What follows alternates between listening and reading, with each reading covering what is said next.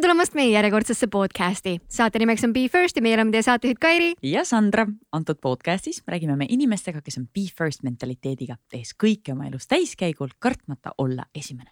ja podcastis me püüame siis aru saada, kuidas nende kogemusi ja harjumusi oma elus rakendada paremate tulemuste saavutamiseks. ja täna on meil saates külas supernaine ja me ei leppinud seda kokku.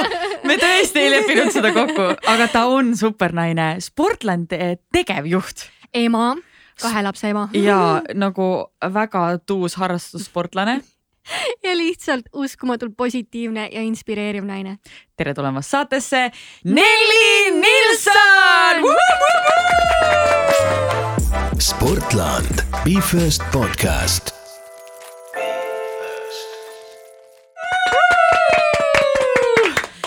tere, Nelli! tere, Sandra! Tead, et sa oled üks, ma ei tea, kas su kohta võib niimoodi öelda, ma ei saa su kohta öelda tavainimene, sest et sa nagu, sa ei ole, sa oled kõike muud kui tavainimene, aga ütleme, et mitte laulja, näitleja, kõik need muud toredad. Äh, ikkagi tavainimene. ja, ja sind on äh, palutud saatesse kutsuda mega äge ju. jaa, on natuke hirmutav. see jaa, ei, see ei ole üldse hirmutav natukese aja pärast on juba siuke kodune tunne, et alguses on ikka weird, et mikrofon on ees. kas sa oled muidu käinud kunagi varem mõnes podcast'is või saates kuskil rääkimas? ei, see on siuke be first minu jaoks ka väga lahe. lendame kohe tuimalt peale, onju. ja meil on äh, kombeks ikka teha siuke esimeste mäng, äh, kus me räägime siis sinu esimestest, meie alustame lauset, sina lõpetad. okei okay.. ja võtan kohe kõige esimese esimene võit äh,? Ma arvan, et see oli kunagi päris väikeses lapsepõlves, kui ma midagi kätte sain, mida ma ei tohtinud kätte saada mm,. Äh, kõige magusam võit aga üleüldiselt mul on tunne, et terve mu elu on üks suur võit, et selles suhtes ma olen nagu väga õnnelik äh, sinna perre, kus ma sündisin äh,, pere, kes mu ümber on, sõbrad, kes mu ümber on, tööd, mida ma teha saan, ehk siis nagu sihuke, sihuke, kõik on nagu nagu osa võidust. kuigi ma pean veel ühe võidu võiks veel välja tuua elust, on see, kui ma võitsin Kaubamaja ostuüritusel Hawaii reisi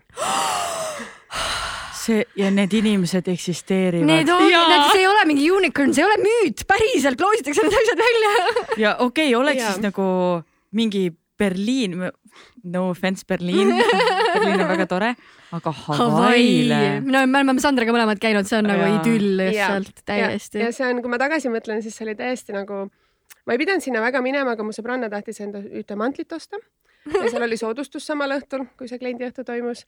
Okei okay,, ma läksin muidugi, ma ostsin sealt üht-teist, äh, kui ma juba seal olin, enda magistrilõpu kleidi ja noh, mingid nipet-näpet veel ja see sai iga kord loosikuponge täita. Hmm.. ja ega ma väga ei uskunud, et noh, sellega kuskile jõuab. Aga no fakt oli see, et siis enne südaööd loositi fina-, finalistid. Mina olin kolmas finalist, mu sõbranna oli teine finalist, oli kolmas ja neljas või midagi sellist. ja siis hakati nende finalistide vahel auhindu loosima, kuni siis peaauhind oli reis äh, kahele Hawaii'le, mille ma siis nagu päriselt võitsin. oota, kus kohas sa käisid?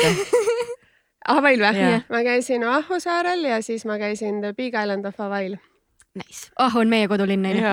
Waikiki for the win ja Mauil käisin ka, nii et kolmel saarel. minu wow. lemmik oli Maui, täielik paradiis. siinkohal Rossile vaata Friendsist nagu, näe, keegi võidab noh. okei okay., enamus inimesed teavad siis saare referentsist aru, aga kui sa oled Youtube'is ja sa saad, siis äh, viska pöial püsti mina tahan ikkagi aru saada sellest, et kuidas, kas on mingi eduvalem, kuidas sa oled hakkama saanud sellega, et sul on nagu Eesti üks kõige paremaid ja ägedamaid töökohti, sul on kaks imeilusat ja andekat last, sul on üliäge mees, sul on mega ilus kodu. How does one do that? Äh, no vaata, ma ütlesin, et ma olen võitnud. Lihtsalt joppas või, lihtsalt nagu äh, ma arvan küll, et ma olen nagu väga-väga õnnelik inimene lihtsalt, et äh, eduvalemit ma ei oska öelda, kas on. Võib-olla nagu lihtsalt olla tänulik selle üle, mis sul on, hinnata seda, mis sul on ja siis kuidagi mm, iseenesest läheb nii, nagu ta minema peab. no ma arvan, et me saame sellest veel päris mm. palju pärast rääkida, aga kuna me rääkisime praegu õnnest, siis räägime veidike ka sellest teisest poolusest, et mis oli sinu esimene ebaõnnestumine? minu esimene ebaõnnestumine arvatavasti jääb sinna samamoodi beebi ikka, ma olla suht laisk ja sihuke mitte väga aktiivne Sina. laps olnud ja wow sihuke rahulik. mis juhtus neil? ja ma olen täitsa kindel, et ma ei viitsinud liiga palju pingutada, et mingeid asju, mida ma tahtsin kätte saada, mis olid nagu eemal, ehk siis noh, ma hakkasin hilja kõndima ja, ja ei roninud nii nagu mu õde kaheksa kuuselt mööda neid kapisahtleid ülesse. ehk siis ma arvan, see jääb sinna, aga üleüldiselt ma olen hästi nagu tulevikku vaatav inimene ja ma võin öelda, et ma usutavasti lähinädalal kindlasti milleski ebaõnnestun ma ei jäta väga meelde, mis mul nagu minevikus on olnud alates kolmekümnendast eluaastast aga kuidas sa sellest nagu üle saad, enamus inimesed võtavad ikka väga hinge, et kurja ma ikka, kuidas ma niimoodi? Ja siis veel viis aastat hiljem on kurja, kuidas ma ikka niimoodi? Ma olin ka tegelikult sihuke ja noh, kui te ei uskunud, et ma mega laisk ja sihuke rahulik laps olin, siis äh, kui ma olin teismeline, siis ma tegin täpselt samamoodi. ma mõtlesin kõik asjad hullult palju hullemaks ma mõtlesin hästi pikalt neid hullemaks, et noh, muidu ei ole äkki piisavalt hull ehk siis äh, ja siis oligi väga raske seda enesekindlust leida, et edasi minna, aga ma arvan, et umbes kolmekümne aastaselt, noh, päris hilja käis see klõks ära, et äh, seda, mida sa muuta ei saa, selle peale on mõtet nagu mõelda, korra läbi analüüsida, mida võiks teisiti teha, et tulevikus mitte samasse ämbrisse uuesti astuda, et noh, tasub uusi ämbreid avastada. aga nojah, täpselt, et ei ole mõtet nagu, mida sa muuta ei saa, selle peale pole mõtet oma energiat kulutada. ja, ja see tegelikult aitab igasugustest ebaõnnestumistest nagu edasi minna. kuidas sa jõudsid selleni, kas sul oli mingi kindel hetk, kus sa said aru, et nüüd ma, nüüd ma mõtlen nii äh,? ei, mingit sihukest heureka momenti ei saa ma välja tuua, aga ma võib-olla tagantjärgi võin öelda, et ma hakkasin kolmekümne aastaselt äh, nagu igapäevaselt praktiliselt jooksuga tegelema see oli ka mingi sihuke õnnelik juhus, et noh, kui te küsite õnnevalemit, siis ma ei tea, need on pooljuhused ja pool sihuke ongi see, et ole pooljuhused ja trenn. ja siis ma nägin ühe kahe koolinoore üleskutset Facebookis, sada päeva hommikujooksu. ma olin just äh, kolmkümmend saanud kuu aega tagasi äh, Hawaii'l äh,. ehk siis äh, ja siis äh, ma mõtlesin, ma liitun sellega, noh, ma kogu aeg iga aasta mõtlesin, ma olen Tallinna sügismaratonile ja ma olin käinud ka seal mõned korrad isegi mingit poolikut läbi lonkimas, aga noh, trenni tegemiseni ma kunagi nagu enne ei jõudnud. ja see aasta ma siis otsustasin, et, äh, et ma liitun selle väljakutsega ja ma hakkasingi jooksma. no läks nii õnnetult, et ma sain äh, mingi poole peal väga hullu rinnapõletiku ja mul on kaks last ja mul ei ole olnud muidu rinnapõletikku mm., aga wow. selle ma sain äh, nii-öelda külmas siis mitte õige riietusega joostes. ja siis ma pidin selle challenge'i nii-öelda katki jätma. ma küll jätsin ta pausi peale ja ma mäletan seda hetke hästi, et mulle ei meeldi sihuke sõna, et mulle, ma vihkan kedagi. tol hetkel ma küll natukene nagu tundsin, et kõik jooksjad on nii vastikud, et nad saavad joosta ja mina ei saa ja mul on see challenge tegemata. aga no ma paranesin ära uuesti pole seda tagasi tulnud, mida arstid hoiatasid ja ma tegelikult lõpetasin oma challenge'i ära ja sel aastal ma jooksin üldse hästi palju ja järgmine aasta ka ja siis ma tulin juba Sportlandisse tööle ja ja ma arvan, et umbes sellest hetkest, kui ma hakkasin regulaarselt spordiga tegelema, see heureka moment toimus siis nii-öelda tasapisi. üliäge aga me jõuame spordist ka veel terve hunniku rääkida. mul juba tekkis kuus küsimust vähemalt siia juurde. aga mina siinkohal võtan järgmise esimeste küsimuse. esimene asi, mille hommikul avad elu on näidanud, et silmad tuleb avada. Tõsi, tõsi, no küsime siis, mis see teine asi on, mis sa avad et silmad paremini avatuna püsiksid, siis ma soovitan avada selle spordiriiete sahtli, kus saab jooksuriided võtta ja siis jooksuelaanud ja jooksma minna, et see tõesti hästi äratab üles ja päriselt hoiab silmad lahti ka. Te kaks olete ebanormaalsed inimesed nagu. Hommikul kell viis. hommikuinimesed hommikul, kuule, Nelli pani juba jooksupildi hommikul mingi, mis kellast jooksmas käisid, kuuest onju. Okay,. sina oled tegelikult samasugune ei enamus ajast, enamus ajast, kui sa ei uju, siis sa jooksed või sõidad ratast. enam ausalt praegu ma, ma ei, ma tõesti, ma olen täiesti üldse ei tee enam. Holiday vibes jah ja.? aga ikkagi sa ärkasid juba hommikul mingi vara ülesse, ma ei saa aru teist inimestest. no kui sa lähed normaalsel ajal magama, siis ongi okei okay,, seda varakult ärgata ka. aga õhtu on see kõige põnevam osa ju nojah, ütleme nii, et kui sa oled hommikuinimene, siis õhtu nii põnev enam ei ole. oota, aga mis kellast sa magama lähed? No eile läksin natuke liiga hilja. nii, mis see tähendab äh,? pool üks. Holy shit, see tähendab, sa said mingi viis tundi magada? ma magasin liiga vähe, aga üleüldiselt ma proovin niimoodi kümne-üheteist ajal magama minna mm. -hmm. oo, te olete nii nunnvanad inimesed ja mõni päev väga harva, noh eriti kui äh, elukaaslase käest küsida, siis ma väsin ka kell üheksa ära. diivanil niimoodi sujuvalt filmi vaadates jah, täpselt ähm, no unistada võime me veel praegusel hetkel ka reisimisest ähm,. räägi, mis oli sinu esimene riik, mida sa külastasid? Soome muidugi mm. -hmm. ma olin mm, kaksteist, kolmteist, no mitte nii nagu minu lapsed siin äh, Lutsus äh, juba ringi lendavad ja siis me läksime laevaga Soome. see oli nagu väga eriline reis ja see on mul väga-väga hästi meeles, sest äh, mu vanemad olid selleks päris kõvasti nii-öelda kõrva, kõrvale pannud ja ja me läksime Neljatärni hotelli ja seal wow. oli, mitte see Serena, see kõige suurem veelõbustuspark, aga minu arust oli see Edeni nimeline. jaa, ma olen ka käinud, see on jumala äge. nunnum. ma ei ole, ma olen ikka Serenas käinud. ja no siis me käisime restoranis ja, ja seal laevas käisime restoranis ja, ja see oli, see jäi päris hästi meelde. oota, vana sa olid? kolmteist, ma pakun see oli päris kõva sõna sellel ajal. ma olen täitsa kindel, et oli.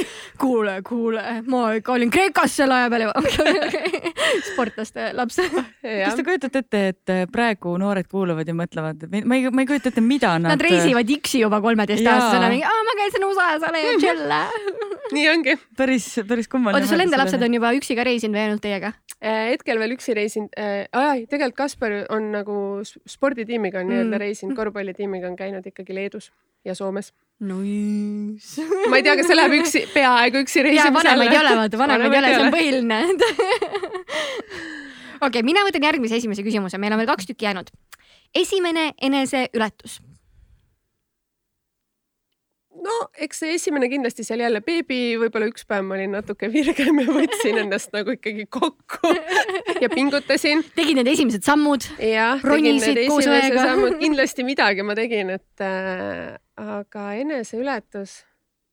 no ma ei tea, siin on ikkagi hea siukseid nagu spordiparalleele tuua, et ma arvan, siuksed pikad, see poolik Ironman, mis ma Otepääl teinud olen või mm, noh, pikk rattasõit on minu jaoks kindlasti megasuur eneseületus ja noh, kui üldse tehnilistest aladest rääkida, siis äh, kui ma suusamaratoni finišisse jõuan, siis see on iga kord minu jaoks eneseületus ja noh, ka mingi mudane Tartu rattamaraton äh, on kindlasti väga suur eneseületus, ehk siis ma ei tea, neid ikkagi on nagu olnud, mis see esimene nii, nii ei oskagi öelda. sa teed nii palju selliseid asju, mis sind veab sinna rajale, sa tead ju, et seal on raske ja paha mm. -hmm, tean küll jah äh, tead, sellega ma avastasin üks hetk, et ähm, kui sa võtad ennast nagu kätte ja paned endale natukene siuksed hullemad eesmärgid, et noh, ma lähen teen selle ära, siis ähm, see annab sulle siukse jube hea enesetunde jube hea siukse natuke nagu võitmatu tunde, et ma või I can do anything nagu päriselt et nii eraelus kui tööelus kui ähm,, kui siis äh, spordis. et see tunne on nagu väga-väga äge tunne aga kas vahel ei ole siukest tunnet, et täpselt enne nagu öö enne võistlust, et äkki kurk ikka valutab, äkki peaks minema või midagi siukest? Ei ole, teate, mul tuli nüüd meelde esimene megasuur ebaõnnestumine. Nonii, tulista kui me juba spordiradiost räägime, siis minu esimesest täispikast maratonist jäi sada viiskümmend meetrit puudu seda ütleme, ma isegi mäletan. ütleme nii, et seda võib küll öelda, et äh, see on ikka nagu suur ebaõnnestumine. kuidas see juhtus? no see oli kuidagi nii, et ma jooksin oma jalalabad natukene ära, et ma poole peal sidusin neid, äh, mul enesetunne oli mega hea. Äh, ma poole peal sidusin palju lõdvemaks ja siis ma juba tundsin, et pealt on tegelikult nagu paistes. aga noh, kogemust saab ju ainult läbi omandamise, ehk siis mul sel hetkel veel seda kogemust ei olnud. ja, ja kuidagi ma jooksin sealt mäest alla Kaarli kiriku juurest sinna Tallinna maratoni finiši poole.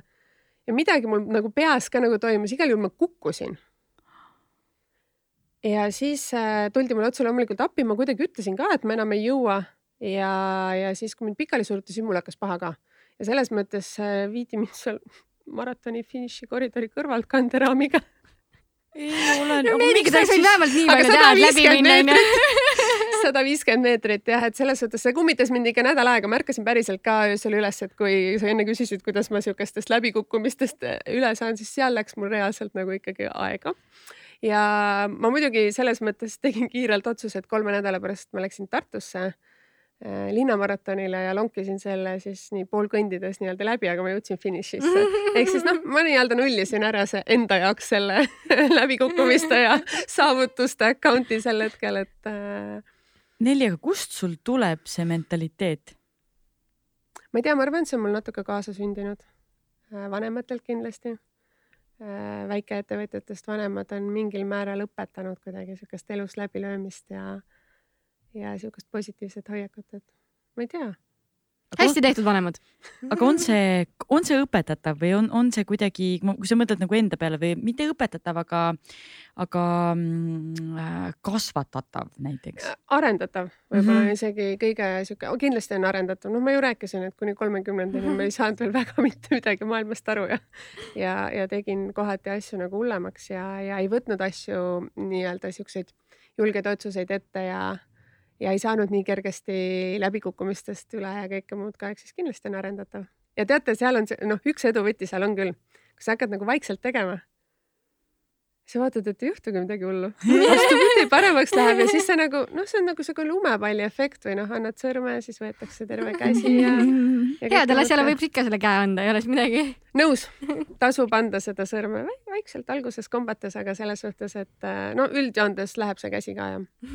nii, aga ma võtan nüüd selle käe ja võtan selle viimase küsimuse esimesest mängust, sinu esimene Instagrami postitus. Aa, esimene Instagrami postitus, see oli, ma tean, mis asi see on, sellepärast ma suudan meenutada ka aasta kaks tuhat kolmteist. ma Mhm. lõpetasin äh, magistri äh, EBS-is ja siis meil oli Estonia kontserdisaalis või kuskil seal oli aktus ja siis ma tegin äh, kursaõdedega pilti kas see oli ikka see mütsidega jah? ja see oli mütsidega, aga mütsid olid korralikult viisakalt peas, et äh, Kadri ja Liis, mu kaks kõige ägedamat äh, kursaõde, nendega koos tegime pildi ja pildi allkiri, ma arvan, et oli magistrid. Midagi väga loov, väga loov, Nelli, kust sa selle peale tulid? ma ei tea. Aga see on minu arust EBS-i juures kõige ägedam asi, et sa reaalselt paned selle rüü selga ja sul on see Jaa. müts peas ja see on nagu noh, see on nagu päris lõpetamine ikka, nii nagu sa filmides näed. ma loodan, et EBS inimesed kuulavad seda ja said just aru, et see on kõige ägedam asi nende kooli juures. kuuled, ma läheks uuesti sellepärast, isegi doktorantuuri läheks sellepärast.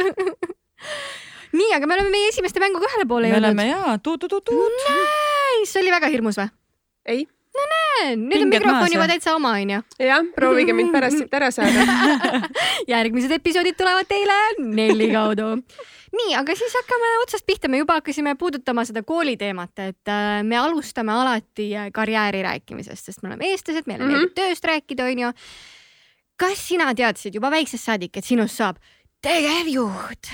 ei mis sa mõtlesid noorena? äh,. ma olen selles suhtes nagu igav olin, siis ma ei mõelnud, et ma tahan loomaarstiks saada või juuksuriks või, või teadlaseks, nagu minu lapsed erinevaid ägedaid äh, ameteid nii-öelda välja pakuvad, korvpalluriks või, või, või kellekski teiseks. aga mul on meenu-, meeles see, et äh, vanaema ütles mulle üks hetk, et ma ütlesin, ma tahan edukaks saada. Siis tegevjuhiks jah? ma olen nagu suht kindel, et ma ei teadnud, mida see sõna tähendab sel hetkel. ma arvan, ma mõtlesin mingit rahalist rikkust või midagi siukest, ma pakun, Mhm. et äh, aga nüüd täna ma tõlgendaks võib-olla selle edukuse, et äh, õnneliku, õnnelikuna olemiseks, olemises äh, selles siis, mida sa teed, mis iganes see parasjagu on. aga räägi, kuidas sa oled üldse, tegelikult sinu karjäär on olnud ikka väga põnev, väga huvitav. Et kuidas sa oled jõudnud praegu siia, et äh, sa oled Sportlandi tegevjuht? Ähm, no eks siin on äh, nii-öelda erinevaid äh, juhtumisi. näiteks see, et Kairi teda tööle ei võtnud. ja näiteks see Nii, et palun see, rääkige. see ongi eduvalem, ma räägin noh, suured ees no,. nii, mina ei tea seda lugu, palun rääkige. ja ma käisin, ühesõnaga, oota, ma mõtlen, mis aasta see oli siis pärast seda ma olin lastega kodus, tegin oma magistrikraadi ära ja siis ähm, noh, pidi nagu tööle minema või, või ma, tegelikult ma mõtlesin, et peaks tööle minema ja tahaks nagu tööle minna ja siis äh, reklaamiagentuur Must oli see, kui ma ei eksi. Ja ega neid väga, kuna ma ei ole väga tegelikult käinud tööintervjuudel oma elus kuidagi, kõik on nagu loomulikku rada pidi nagu läinud äh, et siis nagu mõned kohad mulle jäid nagu silma ja siis jah, tõesti, ma käisin, Kairi oli ka seal vestlusel, mul lasti isegi mingi kodutöö teha, ma vist umbes top kahe või kolme ei, tegelikult oligi mina tahtsin väga, et Nelli saaks uueks tegevjuhiks, aga omanik nägi unes, et meesterahvas peab uus tegevjuht olema Okei. ja siis võeti meesterahvas Okei. mina nägin nagu tegelikult vaimusilmis, et on nagu Nelli, sest noh, nii kompetentne ja pädev inimene onju. aga see oli saatuse, saatus tegi niimoodi No sest nüüd on ilmselgelt. väga õige rada just sinuni jõudnud onju. ilmselgelt jah. ja siis äh, noh, äkki kahte kohta ma kandideerisin veel. Aga ühte siis juba paralleelselt äh, Sportlandiga. Ja siis äh, ma just sain Sportlandis järgmisesse vooru, et mul natuke on äh, äh, mõtlesin, mis mulje ma seal jätsin, sest ma ei olnud seal üldse nagu päriselt kohal, ma olin nagu nii excited selle Sportlandi nii-öelda konkursi pärast, sest äh, kui ma seda töökuulutust, nad otsisid teenindusjuhti. Ja kui ma seda töökuulutust nägin, siis äh, mõtlesin, issand, see on täiega nagu mina, sest ma olin siis juba nagu aasta aega seda jooksu, jooksuvärki teinud ja, ja täiega nautima hakanud seda ja, ja juba eh, ei olnudki raske enam seal poolmaratoni finišis ka ja ja siis see oli päris pikk konkurss. Mul oli kõigepealt personalispetsialistiga CV keskuses intervjuu, siis mul oli tegevjuhiga ja lõpuks ka Sportlandi omanikega. ja siis ma olin just seal teises kohas nii-öelda intervjuule minemas, kui ma siis sain äkki teada, et ma, mind kutsuti tagasi juba või pärast seda kolme intervjuud või midagi sellist. Ja siis ma olin täiesti nagu liimist lahti seal viimasel nii-öelda vestlusel ma mõtlen, issand, mis mulje ma võisin nagu jätta. aga no igal juhul äge on jah. ilmselgelt hea eh, no Sportlandile küll, aga sinna teise ah, kohta okay,, kus okay. ma käisin. oota, aga teenindusjuht, sa ei ole hariduselt ju üldse sinna suunda, sul on üldse mingi logistika ja tarneahela asi on ju, siis on ärijuhtimine, et kus see nagu, kus see positsioon nüüd su ellu tuli? jah, nii on mm, -hmm. aga ma olen ühtlasi ka kasvanud äh, lillepoe omaniku tütrena mm. -hmm. ehk siis nagu teenindus äh, kui selline on mulle väga-väga nagu tuttav ja minu arust teenindusvaldkond on üldse tegelikult niisugune valdkond, kus äh, enamus inimesi võiks alustada. enamus inimesed alustavad ka, et see annab jube hea laia baasi. ja millegipärast ma tundsin, et mul on olemas kõik need nagu oskused, vajadused, eelkõige see tahe, sest oskused on õpitavad, et, et selle ametikoha peale nagu kandideerida aga kas sa tunned, et kuidagi koolist oli kasu ka või pigem oli lihtsalt elust endast kasu äh, sellel nii-öelda karjääriredelil? teenindusjuhina nagu konkreetselt ma ei oska öelda, kas nagu koolist on kasu või mitte, aga üleüldiselt ma tunnen küll, et koolist on kasu äh,. esiteks on see network või ja. see võrgustik, mis ümber nendest inimestest tekib, äh, need mõtted, see mm, mis sa nende inimestega nagu seal koolitööde ja, ja vahetundides nii-öelda vahetad.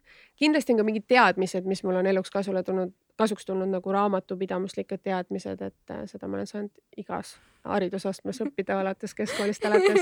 ja täna tuleb see mulle väga kasuks, et ma, ma nagu sellest äh, finantsmaailmast tänu sellele paremini aru saan e aga kool on kindlasti, mis mulle meeldib äh, nagu ülikool, mis minu puhul, minu arvates inimestele annab, on see, et äh, ta sunnib täiskasvanud inimest äh, nii-öelda nagu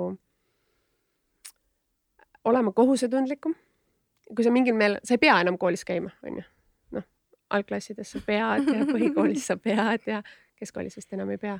aga see, see õpetab nii-öelda kohusetunnet ja teisest küljest see avardab kindlasti nagu mõttemaailma, et äh, läbi kõigi nende ainete, mida sa õpid, et ma ei tea, kas see on konkreetselt teadmine, et nagu koolist õpid kaks pluss kaks on neli, aga sa õpid nii-öelda nagu analüüsima, sa õpid paremini mõtlema, sa õpid paremini teisi arvamusi aktsepteerima, et noh, need väärtused küll on äh, haridusel minu jaoks. eks see seoste loomine on ka Jaa. väga suur, väga suur osa sellel.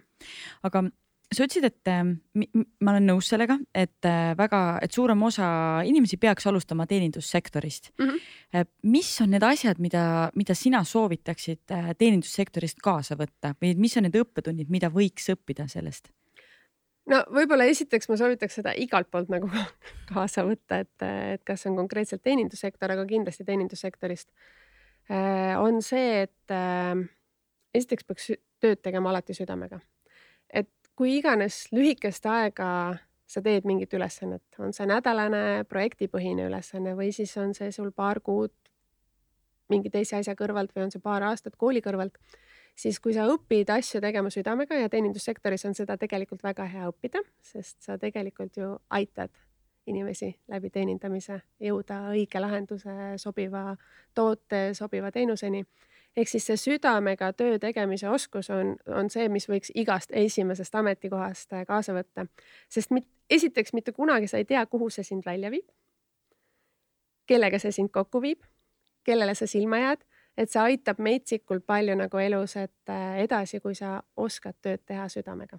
see on vist esimene kord, kui ma kuulen seda, et tuleks õppida tööd tegema südamega, tavaliselt kõik otsivad lihtsalt tööd, kus nad tunnevad, et nad teevad seda asja südamega, et nii kaua otsid, kuni leiad midagi, mille vastu sul on nii tugev kirg, et sa tahad seda teha, aga sa ütled, et peaks õppima südamega tööd tegema Mm, see on väga huvitav. mulle väga meeldis äh, Taivo Piller ja Mart Haaber äh,, lugesin ühte nende äh, artiklit ja seal oli nagu küsimus, et äh, mis see siis on, et kas see on raske töö või õnn, mis siis nii-öelda edu tagab Yeah. ja no fakt on see, et see on mõlemad, Mm -hmm.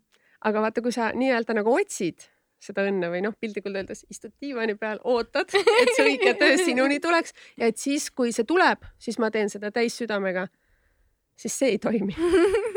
et, et tegelikult tuleb ikkagi nagu alguses rasket tööd teha ja selle raske töö või siis südamega töö tegemine, hingega töö tegemine, see tagab selleni, et see õnnefaktor ka sinuni jõuab.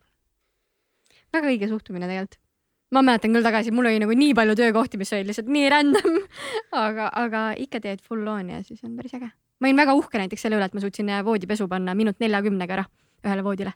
kõik paljapüürid, värgid, särgid. sa räägid nüüd millest? mu esimene töökoht. külaliste majas linade vahetamine, kolmteist ja pool. Aga see on ja kohati on isegi, mulle tundub, et kui inimesed leiavad selle kireprojekti, siis, siis eh, nad, nad justkui nagu ootavad, et vau, et kui ma leian kireprojekti, et siis ma põhimõtteliselt ei pea ühtegi päeva töö, tööd tegema. sest mingid ütlused on ka, et if you find your mingi passion, you never Jaa. have to work a day in your life. see on vale.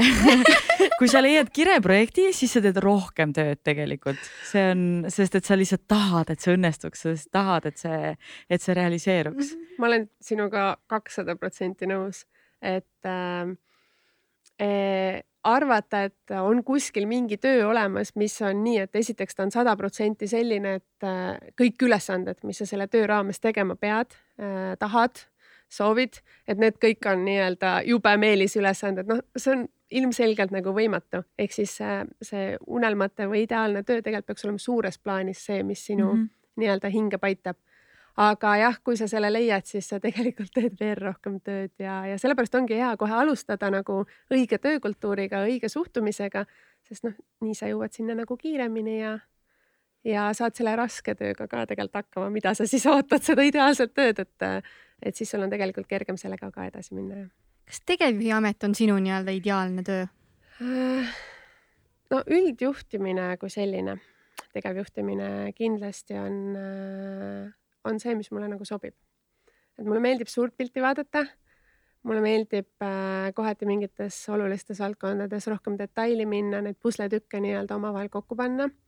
mulle metsikult meeldib äh, inimestel nii-öelda koos inimestega areneda ja aidata, ma ei tea, kas aidata ei ole võib-olla õige sõna, aga nii-öelda pakkuda tuge, et inimesed ise areneksid, kogu aeg mõtleksid teisiti, et, et ma olen niisugune hästi positiivse suhtumisega pärast seda kolmekümnendat eluaastat. aga ma kogu aeg oma peas mõtlen, kuidas saaks veel paremini, kuidas saaks teisiti, äkki prooviks teisiti, et äh, ma küll oskan väga nagu väärtustada ja ma tahaks loota, et järjest enam õpin ka nii-öelda seda edasi andma, et, et mis kõik hästi on. aga see jah, kunagi ei tähenda minu sees seda, et nüüd, nüüd ongi hästi ja nüüd saabki nii jääda, et äh, aga räägi natuke, mida teeb Sportlandi tegevjuht, mis on, mis on sinu? milline su tööpäev välja näeb? no tegevjuht juhib äh, Sportlandi ägedat tiimi. wow,? see on, see on tõesti okei okay,, nii, tiimi. aga selle jaoks ei ole personalijuht või? nagu? ei mul oli hästi-hästi keeruline, kui ma Sportlandisse tulin teenindusjuhi ametikohale, aru saada, miks meil ei ole personalijuhti. et nagu nii suur ettevõte, kolmsada, nelisada inimest, noh, olenevalt sinna äh, perioodist äh, hingekirjas ja mis mõttes meil pole personalijuhti. ja, aga nüüd ma saan sellest väga hästi aru, miks meil ei ole. no nii pajata.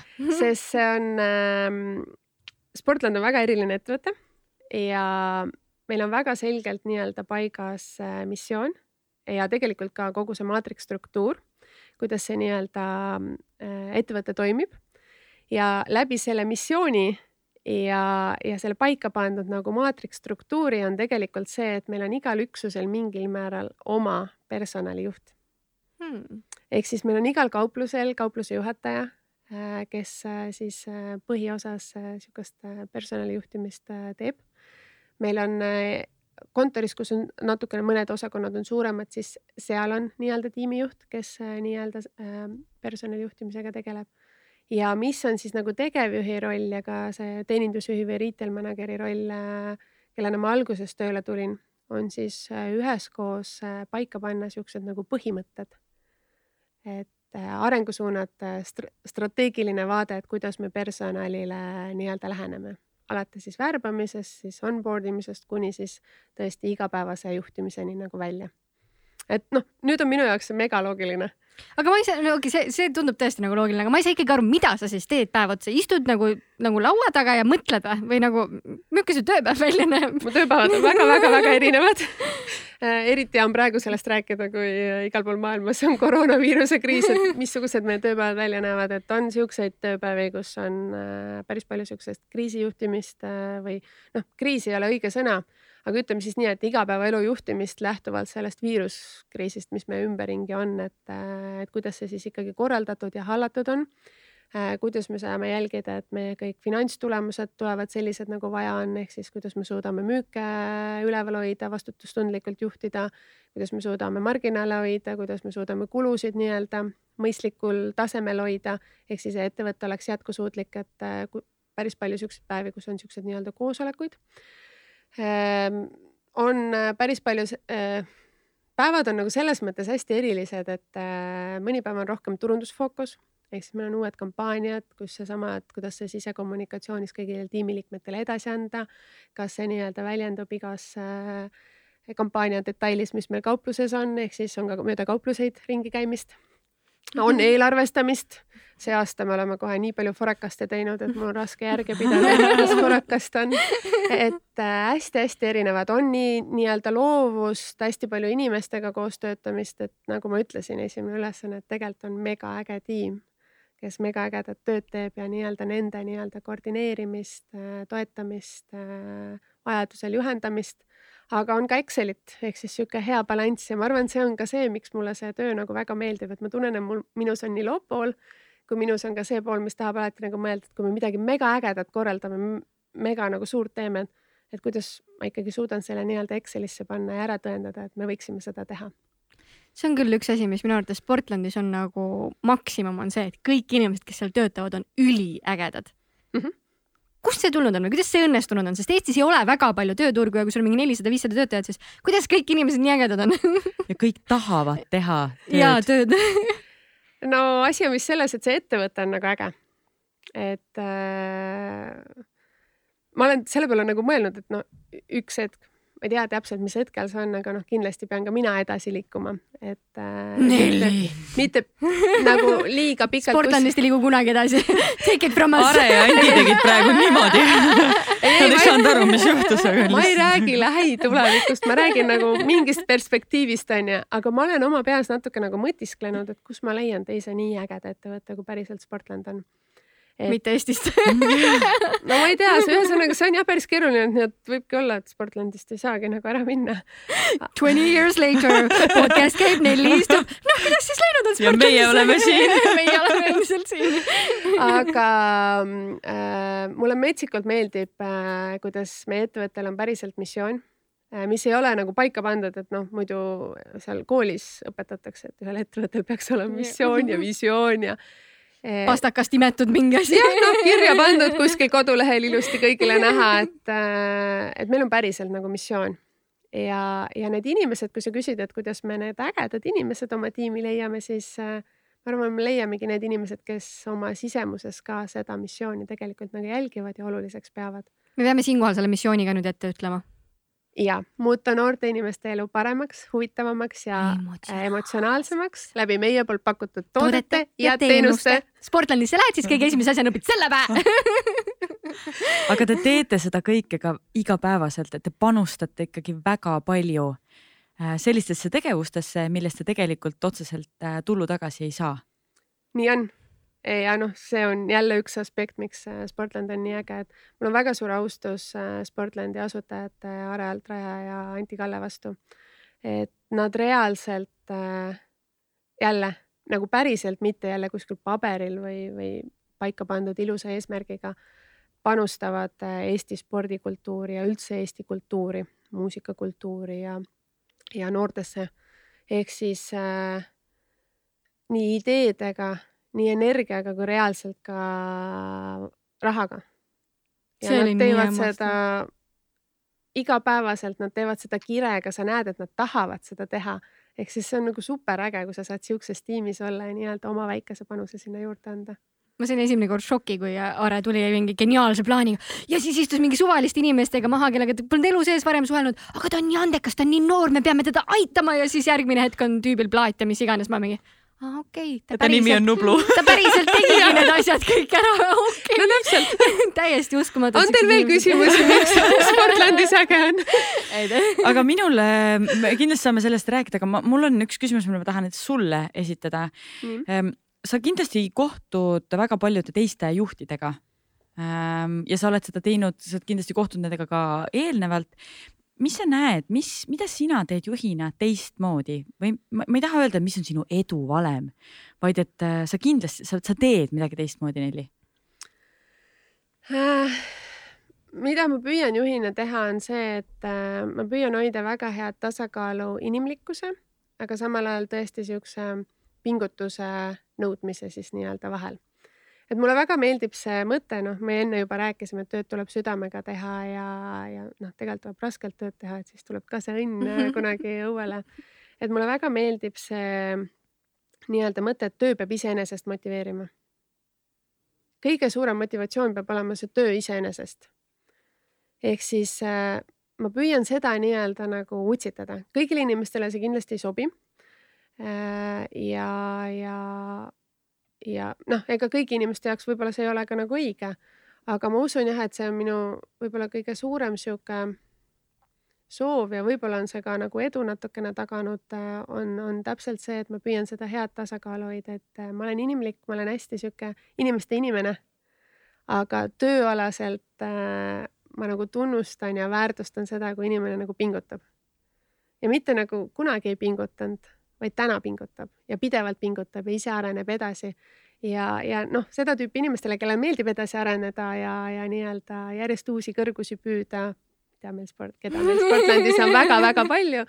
et siis ma tahaks loota, et sihuke nii-öelda juhtimisstiil või, või juhtimispõhimõte nagu töötab ma ütlen ühe asja veel, mis Nelli puhul minu arvates on nagu mega hea juhtimisoskus. see, et sa teed kõike ise ka kaasa ja näitad ette, et sa oled nii hea eeskuju, et see ei ole niimoodi, et äh, tehke nii ja siis sa ise mingi jood martiinit kuskil katusel, vaid sa reaalselt teed ka mm -hmm. nagu tööd samal ajal või et minge osalege võistlustele, siis sa lähed, osaled ise ka mm -hmm. reaalselt, et sa näitad eeskuju, kuidas neid asju tegema peab. minul on nagu see nagu mad respect Practice what you preach. aitäh, aga eeskuju on äh, kindlasti see, mida ma ka püüan anda jah, see selles mõttes mul on tore, et see on nii-öelda nagu välja paistnud. et mulle tundub imelik, äh, et äh, sa nõuad teistelt midagi, mida sa ise ei tee. väga õige suhtumine. enne pead nagu ikkagi ise ette näitama ja seesama võistlustele minek, et kuidas ma ütlen, et mine jookse maratoni kõlab ebaloogiliselt ju nagu tule jookse maratoni, kõlab palju loogilisemalt. nõus me räägime tööst natukene veel. ma küsiks räägime. ühe asja, et äh, mis sinu enda jaoks on olnud kõige ägedam asi, mis sa Sportlandis teinud oled? no me jälle jõuame selleni, miks Portlandis tõesti nagu äge töötada on, äh, on see, et äh, kui sa teed oma tööd kirega, siis sulle antakse päris vabad käed. ja kui rääkida päris nagu asjast või noh, käega katsuda ei saa, aga siis äh, ma olen mega uhke siseveebi üle äh,, mille ma siis koos tiimiga Äh, Sportlandile arendanud olen.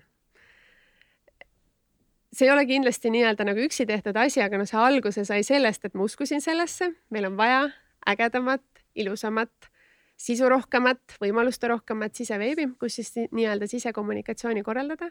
ja siis ma võtsin nagu kätte, võtsin Wordi, kirjutasin äh, ilusti kõik nii-öelda funktsioone lahti ja siis võtsin PowerPointi ja joonistasin lõputult neid kastikesi sinna ja siis noh, nii-öelda koostöös meie IT-juhi Eerikuga saatsime siis selle nii-öelda arendusfirmale ära ja, ja tead, kui täna neid kahte asja kõrvutada, siis äh, nüüd meil ongi nagu isegi veel ägedam ja veel ilusam, sest ilmselgelt minu nagu kujundamisoskused PowerPointis pole nii nagu kõvad. Äh, aga jah, selles mõttes ma ikka nagu nägin nädalaid sellega vaeva ja sealt edasi on see tegelikult äh, tiimitööna metsikult nii-öelda edasi arenenud meil on äpp äh, valmis, ei ole veel lansseeritud, siin vahepeal tuli koroonakriis vahele. aga see on nii-öelda tulevikus kohe lansseeritav ja, ja see on nagu tõesti sihuke asi, mille üle ma nagu uhkust tunnen ja samal ajal ka tänulikkust tunnen, et mul lubati midagi sellist teha, et äh, noh, kui palju on ettevõtteid, kus sa lähed mingi sihukese ideega ja siis joonistad midagi piltlikult öeldes paberile ja siis sulle öeldakse, jaa, muidugi tee ära ja tee seda veel ägedamaks ja, ja arenda seda veel edasi, mida tänapäevani äh, mulle tegelikult nagu öeldakse, et ja noh, kui rääkidagi sellest, siis äh, jah, see on nagu valmis, aga kui ma jälle noh, see teine külg minus, kes mõtleb, kuidas saaks paremini ja edasi seda, siis ma tunnen, et see on umbes kümme protsenti sellest, mis seal kõik olla võiks eriti nagu sisu poole pealt. nii et äh, jah, ma tunnen selle üle uhkust, aga ma pean sellega veel väga-väga palju töötama. kui sul tekib idee ja sa tunned, et see on väga reaalne asi, mida ära teha, millest alustada oma idee siis nagu müümist? Asking for a friend jah millest alustada oma idee müümist äh,? Ma ei tea, eks see ole, alati hästi nagu erinev, et meil Sportlandis on tegelikult ideid päris kerge müüa, sest äh, õhkkond on hästi sihuke innovaatiline, hästi sihuke vaba, avatud. Äh, ähm, ehk siis noh, me ei pea metsikult tegelikult nagu pingutama hiljem, et see idee tõesti nagu õigel tasemel või Sportlandi tasemel nii-öelda ellu viia, vaat see nõuab pingutust et äh, sest kogu aeg on nagu tunne, et tegelikult saaks ju veel paremini ja, ja Sportlandile oleks vaja veel paremini ja ja veel ägedamalt, ehk siis äh, ma niimoodi ei oskagi öelda. Äh, ma arvan, et tasub alustada sellest, et teed julgelt suu lahti Lähed koputad uksele, kuulge, mul on jumala äge idee. Ja, ja sealt suht läheb. Jah, ma arvan, et sellest tasub alustada, täpselt nagu hommikuti tasub sellest alustada, et noh, mitte nagu see kompa, mis meil inimestel ei ole nii hästi arenenud, teed silmad lahti ja vaatad, oo äge kolmapäev. mul lihtsalt, miks ma küsin seda? miks ma seda küsin, on see, et, et mulle tundub, et kohati inimesed kardavad või nad ei oska kuskilt alustada, et nad arvavad, et neil on, neil on mõte ja siis neil on vaja juba täiesti nagu valmis ma ei tea, PowerPoint'e ja slaide ja ideid, et kõik on nagu sada protsenti välja, välja mõeldud ja alles siis nad saavad minna ja presenteerida mm. -hmm see kipub nii olema küll ja, ja selles mõttes äh, just viimastel aastatel on ma tiimile hästi palju seda nagu öelnud, et äh, eks ma kippusin ka sihukest tüüpi inimene olema enne seda kolmekümnendat eluaastat. et äh, noh, et tegelikult sa võid iga ideed ju lõputult nagu nii-öelda lihvida lõputult edasi arendada ja, ja, ja kui sa jääd sinna nii-öelda rattasse nagu kinni, siis sa tegelikult ei jõuagi kuskile. ehk siis viimased paar aastat, ma arvan, ma olen hästi tihti öelnud ja see Sponet on mulle ka see, see, seesama sisekeskkond, mis ma Sportlandile koos äh, tiimiga olen ehitanud. Eh, see on ka hästi palju seda nagu õpetanud, et äh, alusta millestki nagu pihta ja sa saad seda alati edasi arendada ja noh, teisipidi ma alati tiimile ütlen ka, kui ma kohe ideaalse asja valmis teeks, mis me edasi teeme ehk siis noh, on küll, on küll hästi palju ollakse selles kinni ja see on võib-olla ka seesama, et ma kardan ebaõnnestuda, ma sa, kardan nagu kriitilist tagasisidet saada. aga kui sa õpid neid asju mitte isiklikult võtma, sa tegelikult nagu avastad, et oo, sul on superpower, sa võidki selle nagu idee maha müüa, ära teha ja siis nii-öelda edasi arendada, edasi arendada, edasi arendada. kohe ei pea olema nagu valmis toode sul saab olla ka tükike sellest valmistoodest ja imeilus unistus, kuhu sa nagu jõuda tahad. nii et Sandra, lihtsalt alusta jah, ikkagi. aga liigume äkki sinu lemmikteema juurde, Sain kas ma võin enne ühe küsimuse no ma ei tea, kell siin tiksub, tegevjuhi aeg kui Nelli lubab äh,. ma siin ütlen vahele, et iga inimese aeg on täpselt sama väärtuslik, nii et tegevjuhi aeg ei ole kuidagi teistmoodi. tegelikult mul oli kaks, aga ma küsin ühe um, sa, kuidas sina juhina oma ähm, siis tiimi julgustad andma sulle tagasisidet? Äh, selle inimlikkuse poolega, et äh, kui sa inimesena oled soe, hooliv äh,, päriselt huvitatud äh,, mis sul ümberringi toimub, siis see võiks anda niisuguse indikatsiooni, et äh,, et kui tuleb ka kriitika nii-öelda minu suhtes, et siis äh, ma ei reageeri sinna kuidagi üle. ma nii-öelda võtan selle nagu vastu, võib-olla korra on raske, kriitikal on, kriitikat on kõigil alati korra raske vastu võtta. aga noh, sa seedid selle oma sees läbi ja, ja, ja emotsiooni pealt mingeid otsuseid nagu edasi ei tee. tiimile samamoodi siis vastu ei anna ja see võiks ju julgustada tegelikult inimestel nii-öelda tagasisidet anda. kas te kuidagi räägite nendest asjadest või pigem on see, et sa oma olemusega lihtsalt tekitad nendes sellise äh, või sellise keskkonna, kus inimesed saavad justkui nagu ise aru, et nad võivad seda teha? Äh, ma kindlasti püüan seda keskkonda tekitada ja kui sa niimoodi küsid, siis ma kindlasti võiksin sellest veel rohkem rääkida, nii et äh, kui tiim seda podcast'i kuulab, siis äh, andke julgelt tagasisidet. ma tean, et väga paljud sportlased inimesed kuulavad seda. et korra on valus, aga selles suhtes, et äh, nagu ma ütlesin, isiklikult ma ei võta, et äh, asju. sa on, sa avasid nüüd Pandora laeka, ma tahan nüüd teada, kas sul on kunagi antud tagasisidet, mis on kriitiline? jaa. Nii, mis, mis sulle öeldud on? et ma olen liiga emotsionaalne mida vist enamus naistele öeldakse. mingis eluetapis ikka öeldakse mhm. et äh, seda on mulle kindlasti päris, päris palju öelnud ja ma arvan, ma olen seda külge endas päris palju nagu arendanud ka, et äh,, et just seda emotsionaalset intelligentsust ja sotsiaalset intelligentsust, et äh,. oota, aga millest see väljendub või nagu? täitsa teadlikult. no seal emotsionaalsus on ikkagi see, et äh, saan mingi nagu info ja siis liiga kiiresti ja liiga emotsioonidele tuginedes hakkan siis mingeid järeldusi ja otsuseid ja mingeid lahendusi pakkuma mm. -hmm et äh, tegelikult tuleks korra nagu aeg maha võtta, rahulikult läbi mõelda, tavaliselt kasvõi info, siis äh, ka see info nii-öelda kriitilisust natuke kontrollida, et noh, sihuke must ja valget maailma on hästi-hästi vähe, et enamus on need viiskümmend või ma ei tea, palju neid välja varjunud, neid on võib-olla veel rohkem, et äh, et see emotsionaalsus on jah, kindlasti ma ise heidaks endale veel natuke ette aja planeerimisoskust.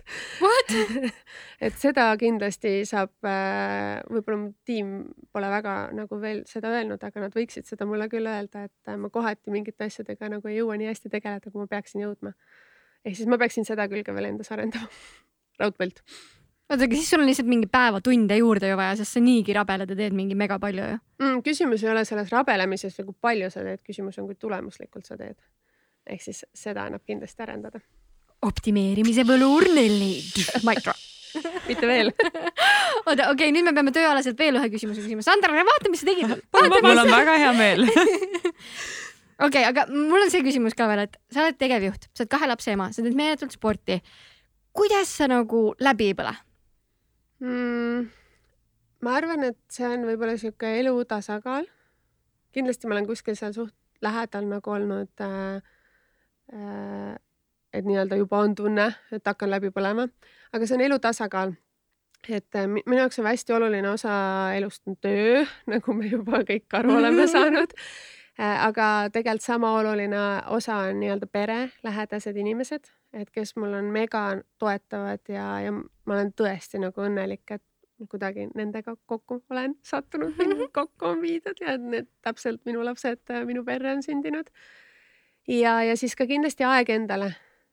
et äh, seda tihti kiputakse nagu ära unustama, aga kuidagi need nagu eluosad on nagu paigas, siis sa kodus puhkad tööst, tööl puhkad kodust äh, sporti teed, siis puhkad sihukestest pingelistest hetkedest, teed neid äh, teinekord tööl pingelised hetked on siis puhkad sellest, kui sa seal äh, Ironmani Otepää viimasel rajal joosta enam ei jõua. ehk siis noh, tegelikult on elus nagu tasakaal, ma ütleks, on see märksõna, mis siin nagu aitab ja ma nagu täiesti teadlikult, äh, eriti viimastel aastatel püüan seda tasakaalu just nii-öelda tasakaalus hoida. aga kuidas sa seda teed, kui sul näiteks ongi mingi viissada emaili, kõik on mingid punased caps lock'i, lock'is ja hüüumärkidega ja telefon on punane, et kuidas sa lülitad ennast välja ja lähed, oled perega? ja mul viissada emaili ei ole, sellepärast et mul on see äge tiim ja ma tõesti olen õppinud äh, ajaga inimesi usaldama. ehk siis me räägime põhimõtted läbi, kuidas mingeid olukordi lahendada kuidas mingeid otsuseid teha ja, ja väga palju neid nii-öelda otsuseid ja, ja tegelikult siis niisuguseid toiminguid, mis võiks seda stressi tekitada, tegelikult tiim lahendab ise ära ja lahendab väga hästi ära. ehk siis inimesi, kes su ümber on, tasub usaldada ega ma nagu üks-ühele seda nagu ei oskagi, et noh, sotsiaalmeedia ma olen täna nii-öelda pannud igasugused notification'id maha, et nad mind kogu aeg nii-öelda endale ei rööviks mm. -hmm. email on mul ikkagi sees, et selles mõttes äh, selle ametikoha peal päris nii ei saa, et ma nüüd lülitan ennast välja ma ei olegi nüüd nagu kättesaadav, et võib-olla kui kuskile minna, kus levi ei ole ja siis tiimi väga korralikult teavitada, et mind ei ole. et ja noh, praegusel ajal kui iga päev midagi maailmas toimub, äh, Eestis toimub, naaberriikides toimub, et siis kindlasti ei saa nii, et ma päris nagu välja lülitan. aga kodus olles me noh, ütleme nii, et see on ka see osa, mida ma kindlasti veel rohkem nagu treenima pean, et see oleks nagu mõttega selles hetkes, kus sa oled. näiteks praegu ma ei saa mõelda üldse mingeid muid mõtteid, sest mul on see mikrofon ees ja ma räägin teiega ja seesama, see oskus ka kodus olles, kas sa sööd perega õhtust, äh, vaatad kasvõi telekat, et sa oleks selles hetkes, et kui ma telekat juba vaatan, et siis ma vaatan telekat. ma ei vaata, ma vaatan telekat väga vähe aga et siis ma samal ajal ei vaataks telefoni või ei mõtleks mingeid muid mõtteid, siis mul on küsimus, miks ma seda telekat vaatan. ehk siis mm -hmm. ühe asjale nii-öelda keskendumine aitab tegelikult ka seda, et sul see kõik virvarr ei jookse nagu sisse. aga see on teoorias nii lihtne, et oo oh,, et nii kell kuus lõpetan töö ära, lähen kontorist ära, lähen koju, teen perele süüa, istun maha, olen zen. aga kas ei teki nagu siukseid hetki, kus sa võtad arvuti lahti ja teed ikkagi tööasju veel kodus ja? ikka tekib aga seal on jälle seesama, et kui ma teen nagu tööd, ma ei tohiks nagu kogu aeg tööd teha. ma teen päris palju õhtuti tööd, ma teen päris palju hommikuti tööd. Ehm, ma teen kohati ka nädalavahetusel tööd, aga see peaks siis olema nagu niimoodi, et ma teen need nagu need tööülesanded ära ja siis need on nagu tehtud ja siis mul on vaba aeg nagu edasi. et noh, kui ei tule just midagi ootamatut vahele, mida sa siis nii-öelda eri, eri, eri, eriliselt nagu või erakorraliselt lahendama pead et äh, tegelikult ju noh, annab enda jaoks nagu läbi mõelda. ma teen palju tööd, aga ma pean seda tegema nii-öelda, et ma teen ka endaga tööd ehk siis võtan endale vaba aega, pühendan aega perele, mida ma võiksin kindlasti rohkem äh, pühendada. kuigi minu arust on nii äge, iga kord, kui mina jooksmas käin, siis mul jookseb Nelli äh, oma pojaga vastu, sest meil on vist sarnane trajektoor kuskil, siis ma olen iga kord nagu, mad respect nagu, sihuke ema, kes suudab oma, vana ta on sul? kaksteist. kaheteistaastase poisi endaga koos jooksma meelitada, kui lihtne või raske see on? ma ei teagi, kas me käime nüüd väga harva jooksmas, kui iga kord see juhtub. mina käin väga harva jooksmas ma tegelikult hea meelega jookseks Kaspariga veel rohkem, see on nagu metsikult äge, kui mul õnnestub ta üht või teistpidi nii-öelda endaga jooksma saada, sest see on nagu, see on nagu päriselt meie kahe aeg. kuni selleni välja, et me räägime mingitest arvutimängudest, millest ma mitte midagi aru ei saa. ja. Fortnite ja, ja Imposter jälgime linnas mingeid maju või mingeid postreid või, või, või mingit reklaamisisu ja noh, nii-öelda päriselt oleme nagu kahekesi, et mitte midagi muud ei sega. et see on nagu mega-mega äge aeg oota, aga Annabeliga, kuidas sul, mis te koos teete äh,? äh sporti ma teen ikka mõlema lapsega koos, et äh, Annabeliga, Annabel on üheksa, saab kohe kümme, ehk siis äh, ja ta on siukse nagu ägeda iseloomuga, et kui ta väga midagi teha ei saada, siis temaga koos spordi tegemine on nagu rohkem siuke vaimu treenimine sest ta metsik energia läheb sellele virisemisele, et ta ei taha seda teha. et noh, umbes kui me viis kilomeetrit koos suusatame, et siis, äh, siis üks kilomeeter on siuke rõõmsalt, ülejäänud neli läheb niimoodi, et nagu kui nõme see on ja suusad ja aga no ta on ka mega nagu äge ja sihuke ettevõtlik äh, inimene ja, ja, ja selles suhtes äh, temaga ma ka ikka vahe, vahetevahel spordin, no jooksma ta muga veel väga ei tule või siis oleks see võib-olla rohkem see, et me peame väga palju kõndima ja siis olen mina juba sihuke, ma ei tea, kas ma tahan. Aga no Annabeliga ma võiks vabalt shopata veel rohkem, kui me seda teeme, sest ta on ikka sihuke ehtne armas tüdruk, et talle ikka meeldib osta et aga see on ka sihuke vaimutreening, sest noh, ma ei arva, et nii palju peaks ostma oota, aga kuidas sa ikkagi kuidas sa suhtud näiteks sellesse, kui laps ütlebki, et ta ei taha trenni teha, et sina ju esiteks su töö ja su missioon osati on mm -hmm. motiveerida inimesi nagu liikuma. ma mm -hmm. oletan, et see algab ikkagi alati oma perest ja lähedastest inimestest ja siis edasi, et, et mis tunne on, kui nagu näiteks laps ütleb, et ta ei tahagi trenni teha või et ta, ta ei tahagi sportlik olla see nagu selles mõttes sihukest erimistunnet või pettumust või midagi ei tekita, sest meil kõigil on tegelikult äh, neid aegu ju noh, kõige raskem on diivanilt reaalselt sinna välisukseni nagu minna või siis täpselt see hommikul see sahtel lahti teha, et kui sa juba väljas oled, kella käima paned ja reaalselt jooksed, noh, ei ole kordagi nagu olnud, et, äh, et ei taha. Ja sama on tegelikult nagu lastel, et ma ei ole kordagi nagu reaalselt näinud, et minu lapsed kuskilt, kas kuskilt treeningust või siis ka kuskilt spordiürituselt või, või ühiselt siuksest aktiivselt äh, ma ei tea, rabas matkamiselt tulevad negatiivsed emotsioonid tagasi. jah, sinna minnes esineb neid täpselt, ma ei taha, ma ei viitsi, ma pean ma kogu pean? aeg käima trennis iga päev, üle päeva. et, et see ei tekita minus nagu selles mõttes äh, väga sihukest nagu tundeid või pettumust, aga ma ei alla, anna siin ka nagu nii-öelda alla, et äh, on noh, teatud põhimõtted, mida ma neile ütlen, et esiteks äh, liikumine on nagu oluline neile see on neile endale väga vajalik. Ja noh, teiseks äh, ikkagi väga pragmaatiline põhjus ka, et kui ma olen trenni eest nagu maksnud, siis äh, ka tegelikult treener äh, Kaspar mängib korvpalli ja Annabel käib võistlustantsus ehk siis mõlemad on ikkagi mingil määral ju kas siis partneri või siis tiimi poolt arvestatud, et sa oled seal trennis. Ja mina olen seal trenni eest ka nagu maksnud, ehk siis noh, väga kahju küll, et sa ei taha minna, aga ikka pead nii väga ongi õige noh. ja no ma ütlen, mitte kunagi nad ei tule tegelikult negatiivsete tunnetega sealt ära, nii et äh, ma julgustan küll kõiki lapsevanemaid rohkem oma lapsi liikuma suunama, aga jälle nagu me rääkisime, hea eeskuju aitab ka Mhm, siin, ehk siis mitte nii, et mine trenni. aga tule. Ise, ise oled diivani peal, sööd krõpsu. Mu lapsed ikka kogu aeg teevad minule nalja, et äh, mis sul viga on, et sa nii palju sporti teed. aga kusjuures see kehtib äh, mõlemate puhul, et äh, nii vanemad võivad öelda oma lastele, võiksid öelda lastele, et tule trenni mm. -hmm. kuigi lapsed võiksid öelda vanematele, et tule trenni, väga nõus, et see võiks käia mõlemat, mõlemat pidi väga nõus. aga me rääkisime natuke ostlemisest ja me mm. -hmm. rääkisime äh, inimeste liikuma saamisest, et äh, kas me liigume edasi äh, keskkonnateemade juurde? jaa, võime küll, kuigi oota, ma küsin ühe küsimuse veel. mis sa arvad, mida Sportland ettevõttena peaks tegema, kelle missioon on tegelikult saada kõik inimesed liikuma, mida peaks Sportland tegema, et päriselt üheksakümmend üheksa protsenti Eesti inimestest liiguks ja Läti ja Leedu inimestest liiguks ja varsti ka maailma inimestest. ja varsti ka maailma inimesed kõik liiguks. Äh, no ma arvan, et siin ei ole niisugust ühte asja, mida nagu saab teha. Et noh, kindlasti näidata eeskuju, jätkata nii-öelda panustamist mitte ainult nagu rahaliselt, aga just nimelt energia ja ideedega. sest äh, kui me siin enne rääkisime reisimisest, et äh, noored kuulavad, et kolmeteistaastaselt sai esimest korda välismaale ja see oli Soome see oli Soome, et siis äh, kindlasti ei äh, fänna noored ka siukseid nii-öelda spordivorme ja, ja spordivõistlusi ja üritusi nii-öelda nagu siis eelnevad põlvkonnad, ehk siis kogu aeg peab äh, edasi arendama. ehk siis Portland suures osas peab ikkagi jätkama oma missiooni täitmist.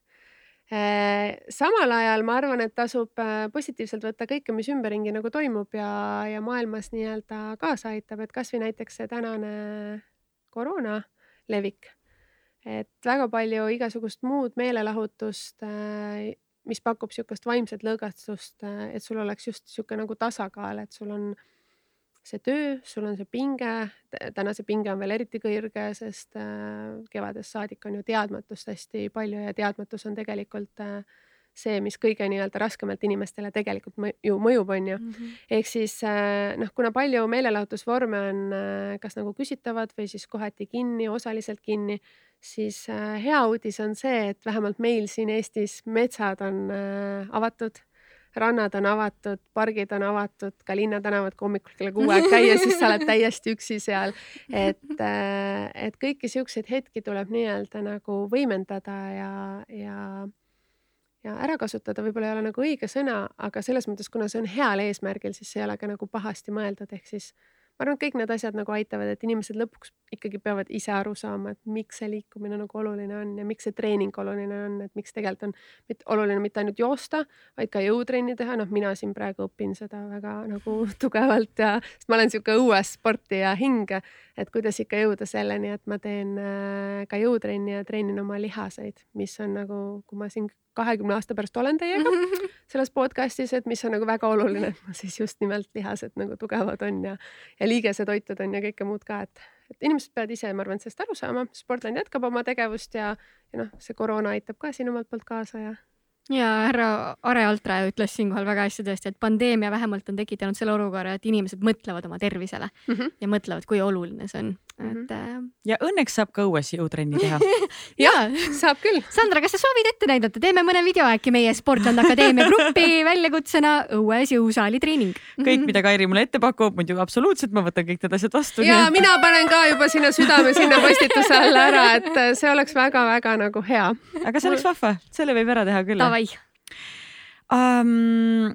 räägime natuke keskkonnast mm -hmm. täpsemalt. Sportland on tegelikult äh, viimastel aastatel palju rohkem hakanud mõtlema sellise rohelise liikumise peale mm,. mis sa ise igapäevaselt teed selleks, et keskkonda hoida? no ma ei saa nüüd öelda, et äh, ma olen äh, mega eeskujulik keskkonnahoidja kindlasti, et äh, aga ma arvan, et äh, põhiosa või mis switch on minus ka toimunud, on ikkagi see, et väikestest asjadest saavad alguse suured asjad. Et hästi tihti see on seesama idee müümise mõte, et noh, ma arendan selle ideaalseks äh, et siis on mõtet seda nii-öelda esitleda, tegelikult on keskkonnaga sama, et sa hakkad väikestest asjadest nagu pihta ja tegelikult, kui kõik maailma inimesed neid väikeseid asju teevad, siis see impact või mõju on nagu väga-väga-väga suur. et ma väldin äh, võimalikult palju topeltpakendamist. noh, hambapasta otsimine on ikka nagu metsik väljakutse, et noh, kus sul ei ole nagu kahte pakendit, et ma püüan vältida seda nii palju kui võimalik.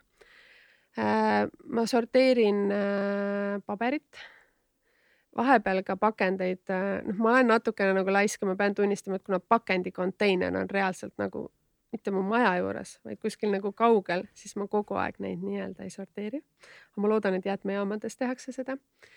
Ma kindlasti hoian nii-öelda nagu vett kokku, et ma jälgin kogu aeg, et kui ma käin kiiresti duši all, väike, väike oluline asi. hoiab aega ka kokku, tahtsin. hoiab aega ka kokku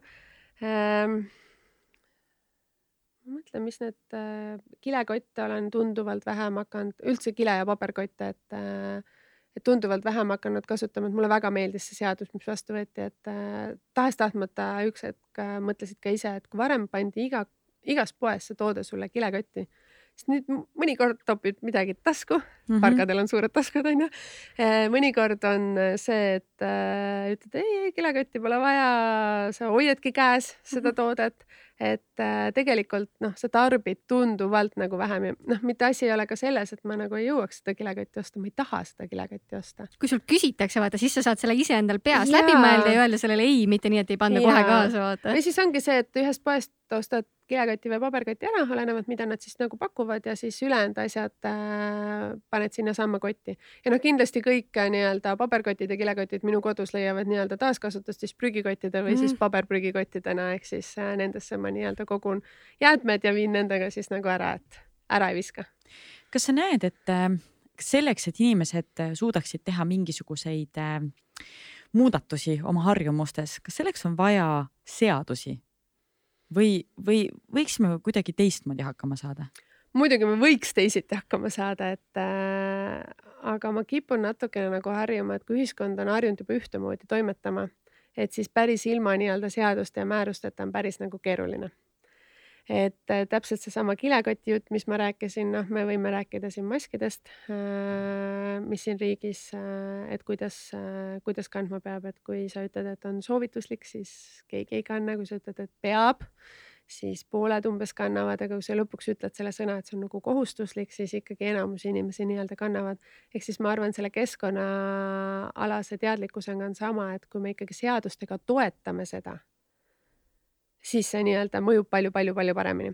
aga noh, ainult siuksed käsud-keelud äh, kindlasti tänapäeva vabas õhuskonna, ühiskonnas väga hästi nagu ei toimi, et see peab olema koos siuksega nii-öelda teavitustööga.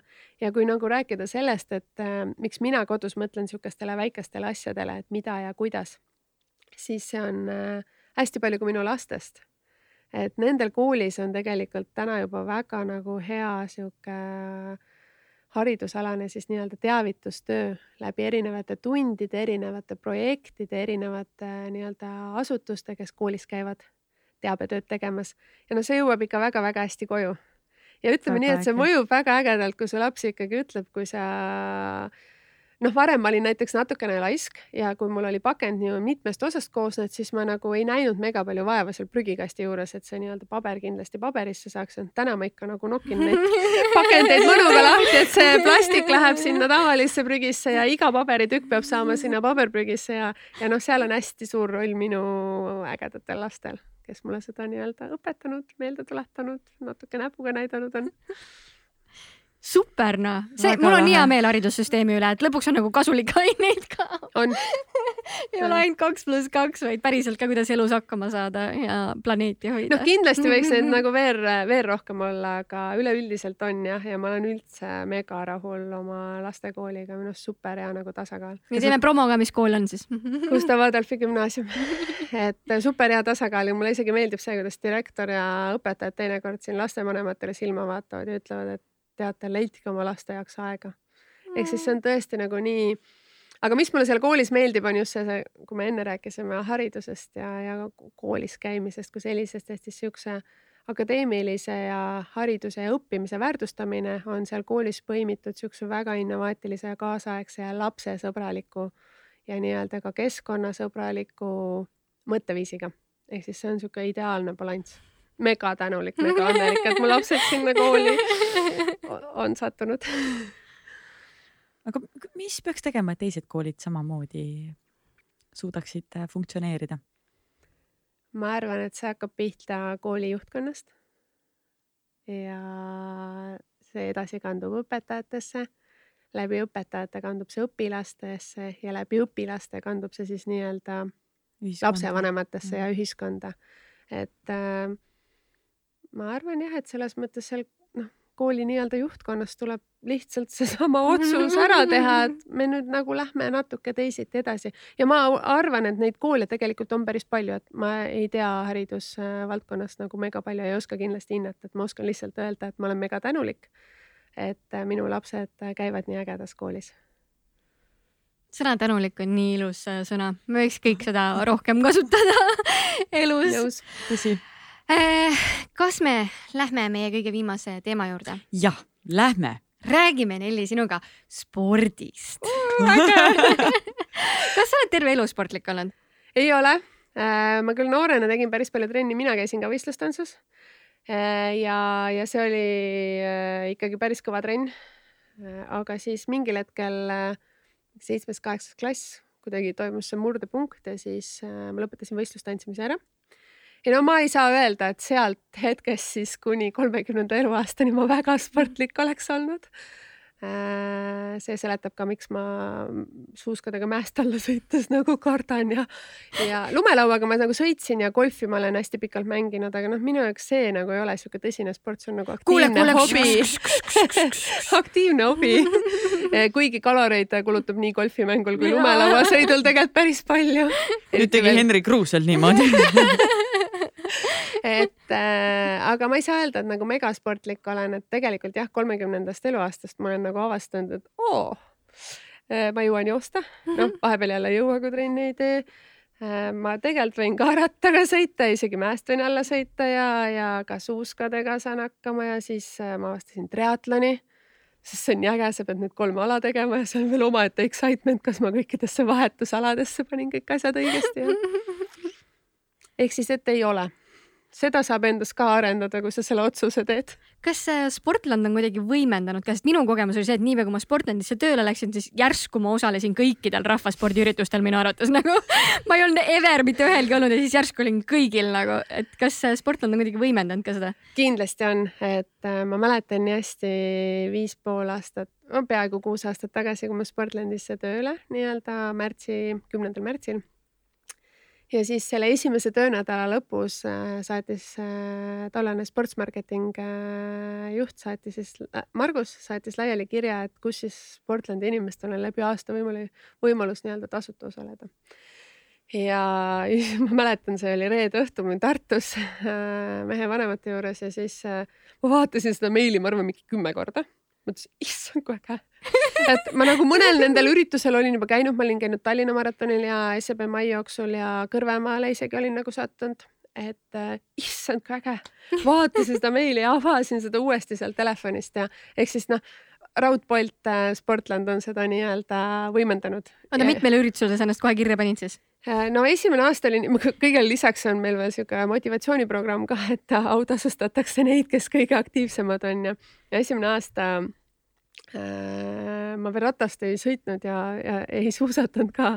et siis ma arvan, ma käisin noh, kümme pidi ära tegema, et siis juba sai mingi nii-öelda tunnustuse, ehk siis need ma tegin kindlasti ära, ma arvan mingi kümme, kümme kuni viisteist. Mhm. aga no järgmine aasta võtsin tõsiselt nagu hetke ette, et ma tegin kõik üritused mis see Mis tähendab, palju kõik. ei, miks ma üllatan, miks ma üllatan? see on Nelli. kahekümne, kolmekümne vahel oli neid nagu üritusi ja, aga seal ei ole mitte see arv isegi see aasta peale ei ole nagu midagi, aga noh, seal olid kõik need alad, mida ma tegema pidin, ehk siis noh, ma pidingi päriselt selle Kõrvemaa triatlon, Ironmani õnneks siis ei olnud. et Kõrvemaa triatlonile minema ja ja noh, enne seda kolm aastat keegi oleks küsinud, et noh, teed kunagi triatloni, ma arvan, ma oleks kõva häälega naernud. ei. miks? oota, aga mis kõige raskem ala on sinu jaoks, ma ei tea, kas sel hetkel või tänase hetkeni? Äh, noh, füüsiliselt raske on äh, igasuguseid kestvusalasid teha mõnikord, aga mul on ikka need tehnilised alad nagu rattasõit ja, ja suusa, suusatamine. et kuna mul seal noh, ma näiteks Tartu maratoni, kui ma selle pika maratoni läbi tegin, võistlesin seal äh, seitsmekümne, kaheksakümne aastaste vanaprouade ja härradega seal tagaotsas, äh, kes olid siis Tartu maratoni nagu saadikud, noh, vestid seljas, kahekümne seitsmes Tartu maraton ja mingid siuksed väga-väga uhked. ja nad nagu kõik tegid mulle pärast mingit aega ära, sellepärast et nende tehnika on nii nagu laitmatu ja noh, mul ei ole seda tehnikat üldse olla. et siis noh, siuksed alad on minu jaoks väga rasked ma sekundeerin, suusatamine on nagu, ma ei tea, tuumafüüsika lihtsalt aga miks triatlon? Miks triatlon või?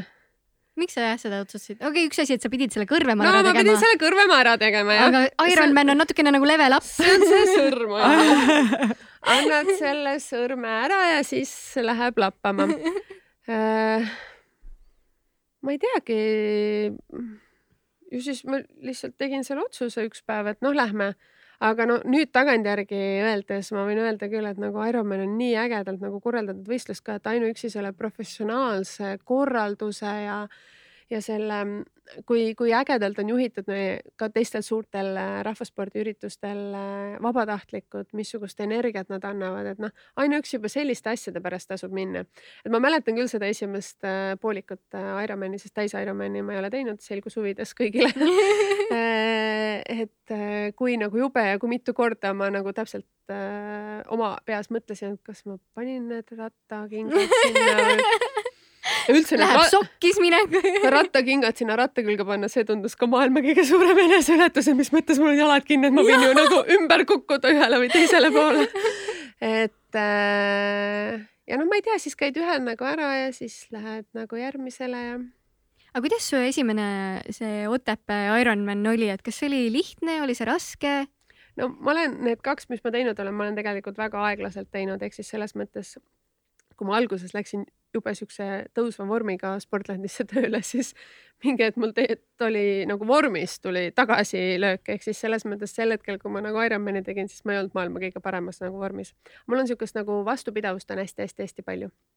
ja ja, ja noh, pärast seda maratoni nagu õppi-, kogemuse omandamist enne finišit, ka seda, et no nii-öelda mitte üle panna, ehk siis selles mõttes ma võingi kaua nagu rajal olla.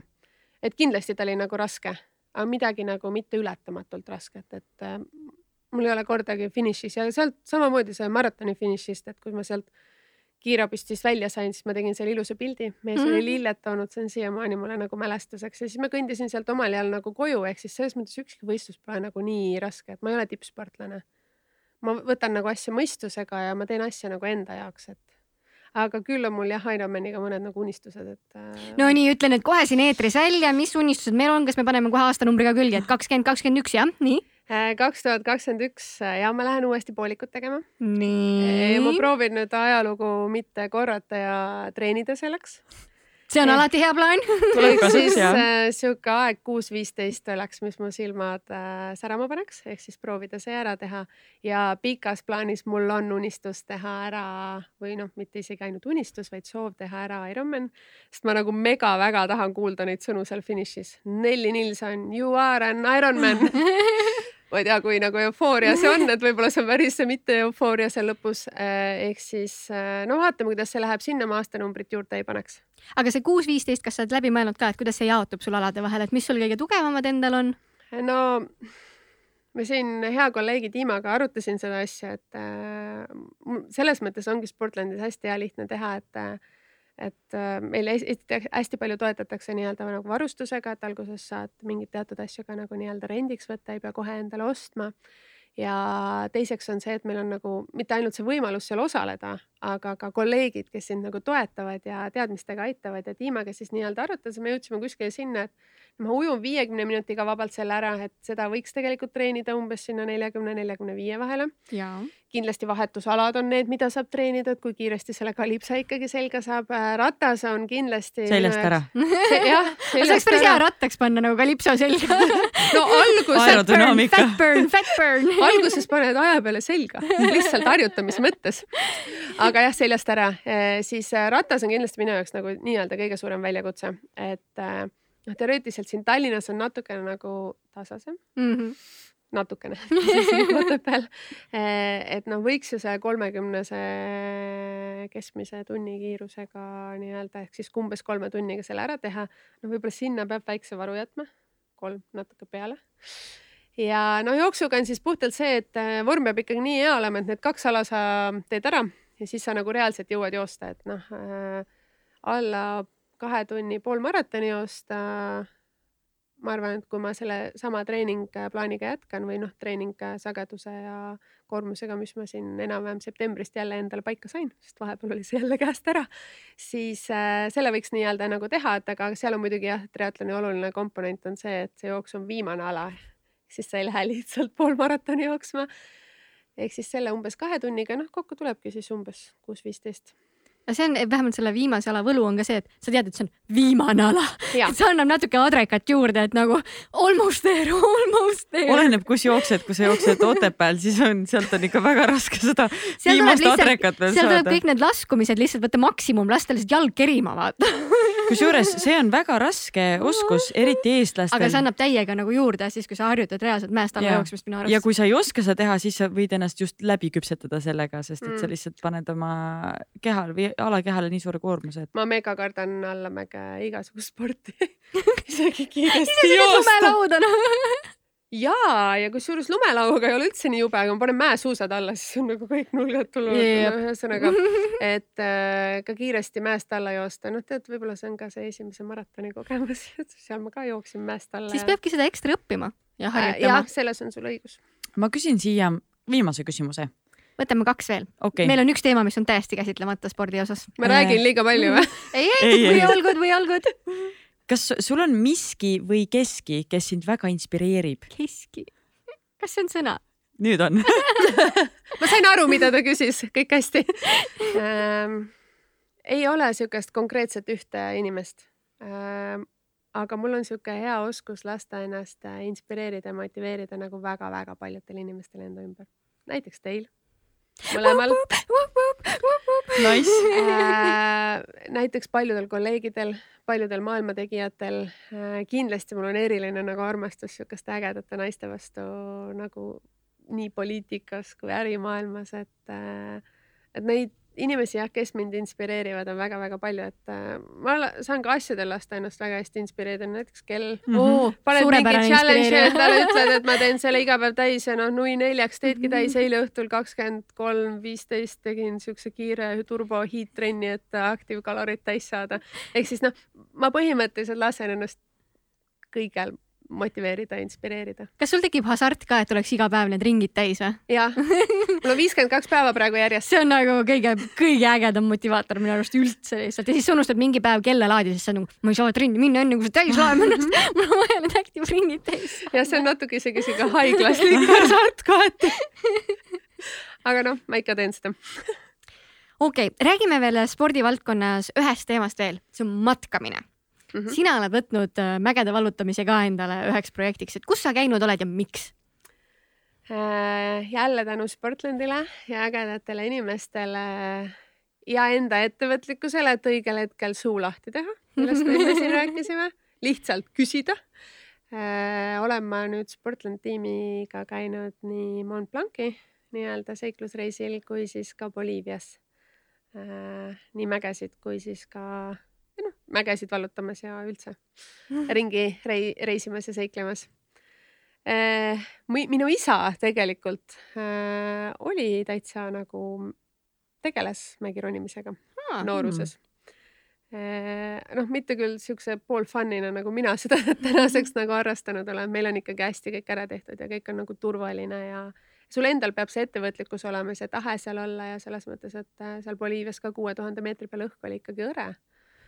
Seda väga ei olnud seal, olgem ausad.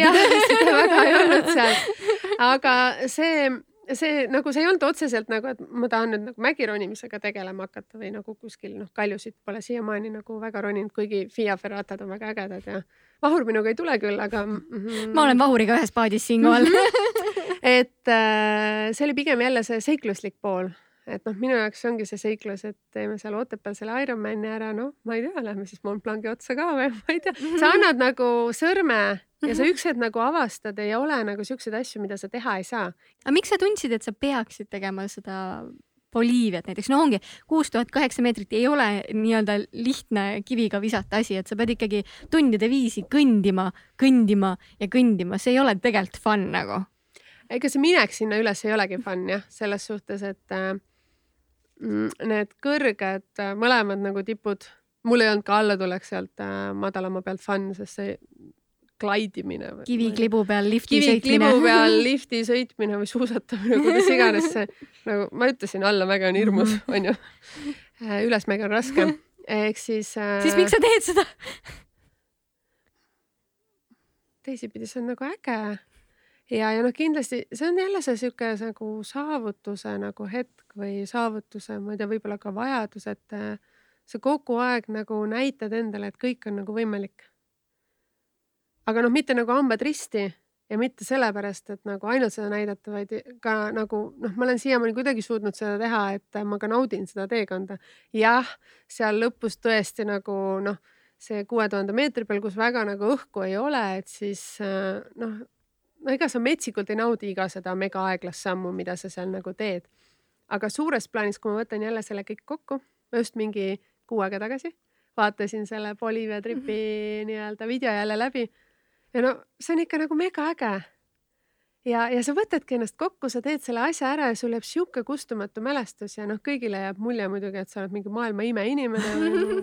tegelikult täitsa tavainimene, lihtsalt see, et võtad nagu kätte ja teed siinkohal kõigile ääremärkus, kes Youtube'is on, siis äh, need Boliivia episoodid ja Mont Blanci episoodid on siin samal kanalil olemas. nii et võite vaadata korra, et äh, mis hullused need olid, mis siis ette on võetud. tasub vaadata, mitte lihtsalt ainult nende hulluste pärast, aga ka sellepärast, et need on visuaalselt väga ilusad. ja üldse noh, pärast neid kahte reisi mul tekkis nagu küsimus, et kuidas ma järgmisele perereisile lähen, et äh, fotograafiale, videograafiale et nagu, et noh, minu peres tavaliselt mina pildistan, kuna mulle mega meeldib pildistada ja üks päev mul on ka kindlasti sihuke nii palju aega, et ma tegelengi natuke hobifotograafiaga enda jaoks, et et aga siis ei tee minust ju keegi nii ägedaid pilte kui seal reisidel ja rääkimata sellest, et keegi mingi mega ägeda nagu filmi sellest kokku lõikab. mida äh, nagu seda Boliiviat näidati, näitasime ka ju kinos, ehk siis kinos nagu ja no äge. see oli ikka võimas. okei okay,, naised, pakime tasapisi kokku, võtame Jaa. soovituste nurga või tahad sa mingeid asju? ja me läheme soovituste nurga Mhm. juurde. nii, nii. okei okay., esimene asi. esimene küsimus, esimene asi esimene soovitus esimene soovitus. mida iga inimene võiks oma elus õppida? ma arvan, et inimene, iga inimene võiks ära õppida tänulikkuse. tänulikkuse selles mõttes, et äh, keskenduda tänu selle tänulikkuse õppimisele sellele, mis sul olemas on. Need väikesed asjad, sellele, mis sul hästi on. selle asemel, et nagu kogu aeg mõelda, et äh, mis võiks veel teisiti olla. see ei tähenda seda, et sul kaob ära see soov nii-öelda seda nagu kogu aeg parandada eh, ja muuta, sest eh, noh, see, mille üle sa täna õnnelik oled, ei pruugi olla see, mille üle sa nagu kahe aasta pärast õnnelik oled või, või siis vastupidi, see, mille üle sa täna õnnelik oled, see ei olnud midagi see, mida sa kaks aastat tagasi nagu mõtlesid.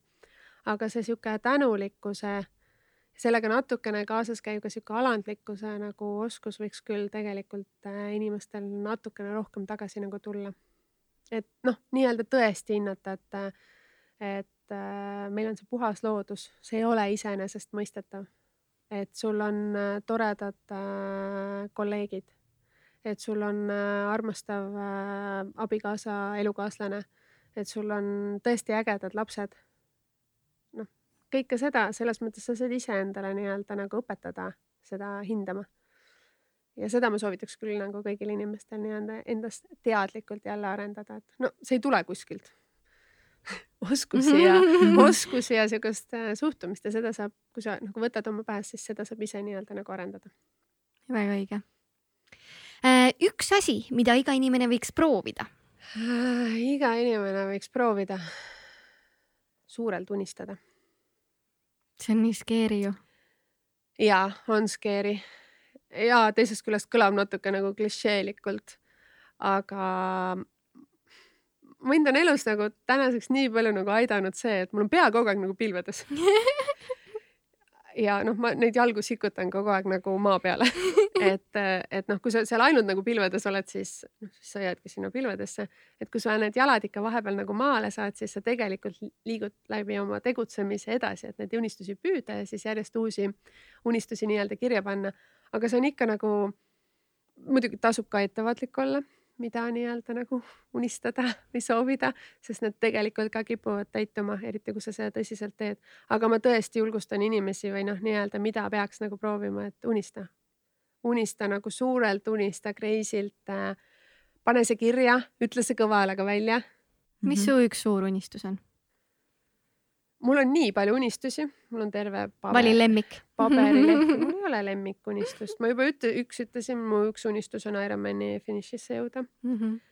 Ähm, mu üks väga nagu suur sihuke nagu unistus, issand, ma pean selle nüüd välja ütlema. ja, ja sa ise just ütlesid, et tuleb välja öelda siin. okei, äh, on äh, mingi panus anda sellesse, et julgustada naisi rohkem nii-öelda oma unistuste poole püüdlema ehk siis kas äh, läbi mingi teatud kogemuse, mida ma ise olen nagu kogenud ja saan nagu edasi jutustada äh, mingil teisel viisil, et mul on niisugune nagu, ma ei ole veel täpselt välja mõelnud, et kuidas ma seda realiseerida saaks. see kõlab nagu podcast, raamat või koolitus.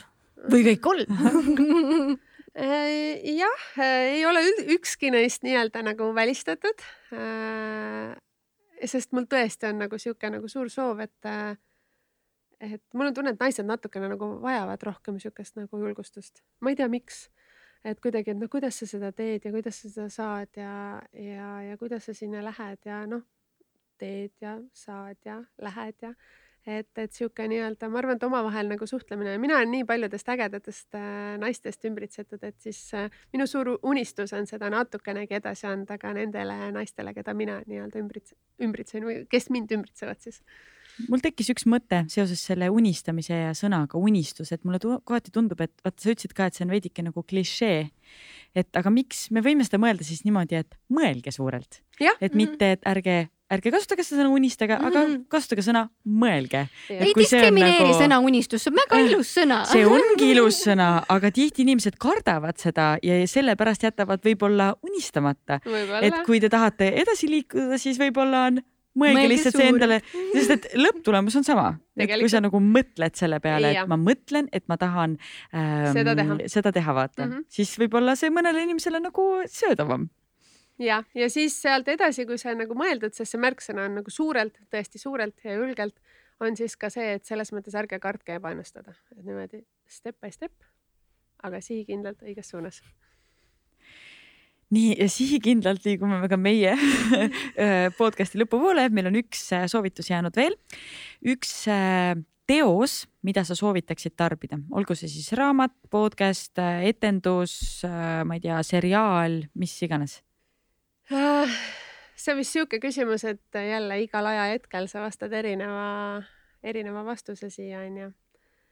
no esiteks ma soovitan üldse raamatuid tarbida. et mu kodu kõige suurem väljakutse või noh, pereelu kõige suurem väljakutse on, kuidas lastel raamatud ägedaks teha. tütrele näiteks leidsin äh, raamatu äh, lood mässumeelsetele tüdrukutele ja teate, seal on äh, kõik maailma tegijad naised väga erinevates eluvaldkondades. see on väga lahe nagu raamat nagu lühidalt nii-öelda kokku, kokku võetud ja, ja ta loeb seda täitsa nagu huviga. ja seal lõpus on see, et sa saad ise oma loo kirjutada, oma pildi panna, ehk siis wow. minu arust ülikihvt raamat. ehk siis noh, suures plaanis ma soovitan äh, üldse raamatuid tarbida kui sellist asja. minu enda viimase, ma arvan, lemmik on äh, Kella viie klubi ehk siis äh, selle raamatuga vist nii, et kellele meeldib, noh, võib-olla Kairile nii väga ei meeldi, sest see päriselt ütleb sulle, et ärka kell viis ülesse. see on see Navy Seal jah? või Kuidas? Navy Seali tehtud või on merejalaväel see, ei ole või? ei, ei, see on Robin, Robin Sharma, Sharma raamat okay. Kella viie klubi mm,. ei, aitäh see, tead, ega ma ka päris iga hommik kell viis ei ärka, et selles mõttes ma olen sihuke viie-kuue klubi ja vahepeal olen äh, laisk, ehk siis äh, ärkan hiljem ka. aga mulle väga meeldis see raamat, see on äh, väga lihtsas kirjas, väga siukse läbipõneva loo, samal ajal väga siukseid nagu mõtlema panevaid seiku täis raamat. et kuidas jõuda ja teha rohkem mm. -hmm me täna rohkem ei tee me pakume ennast täna me oleme juba, mulle tundub, et me oleme täna juba jõudnud ja teinud päris palju. ma tavaliselt alles ärkaksin praegu, nii et aga Nelli suur,, suur-suur aitäh, et sa meile külla tulid, nii tore oli sinuga rääkida. tõesti, aitäh sulle. ma tahan lõppu öelda veel ühe asja, et eh, mis minu arust on sinu juures väga imepär-, imetabane on see, et sa oled eh, sellest hetkest, kui mina sinuga kohtusin see oligi vist äkki viis aastat tagasi, kuni tänase päevani sa tegelikult, sa oled tegelikult üks ja sama inimene. et see, nagu seest sinu siirus ja see, kuidas sa, sinu mentaliteet, kuidas sa asju teed, et äh, nagu need baasväärtused sinus ei ole muutunud ja see on, see on nii äge asi, mida, mida kõrvalt näha aitäh, see on nagu selline tagasiside, mis mulle mega-mega korda läheb ja üldse aitäh mind siia kutsumast. et see oli väga suur mugavustsoonist väljatulek, et ma muidu toimetan kogu aeg mugavustsoonist väljas, et noh, kui minu mugavustsoon on siin, siis ma tavaliselt toimetan siin podcast kuskil seal. Ehk siis suur-suur aitäh teile kutsumast, et jumal sa teab, milleni see välja viib, et ma siia tulin. täpselt nii. ja suur-suur aitäh, vaatajad ja kuulajad, et olite taas kord meiega ja järgmise podcastini. Sportland, Be First podcast